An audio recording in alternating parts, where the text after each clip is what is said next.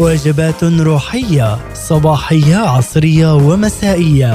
مع إناس دكوهر سمعان. هنا إذاعة صوت الأمل للشرق الأوسط. أهلا بكم. وجبة تأمل.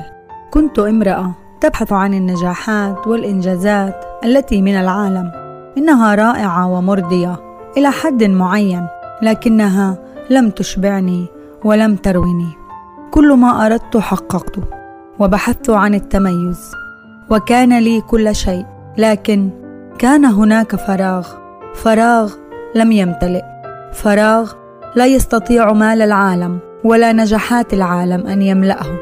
علموني أني أستطيع أن أكون ما أريد وأحقق كل شغفي وأحلامي وهذا ما حصل. لكن تعلقت أكثر فأكثر بالتطور والتعلم وكأني صرت عبيدة عندهم.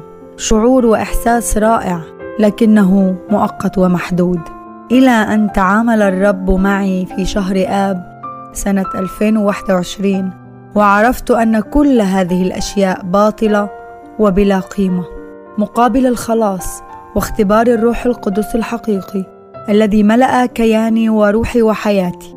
ومنذ ذلك اليوم وأنا أهلل وأرنم وأسبح الرب كل حين. في الخير وفي الضيق. وسلام الله الذي يفوق كل عقل يملأني ويرافقني أينما تواجدت ليلا ونهارا.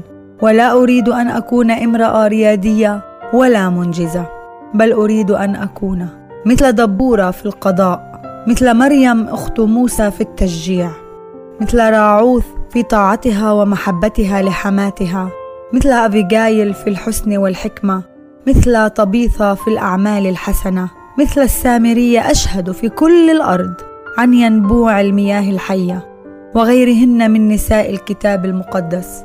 يا إلهي الصالح شكرا ليك. ربي يسوعي.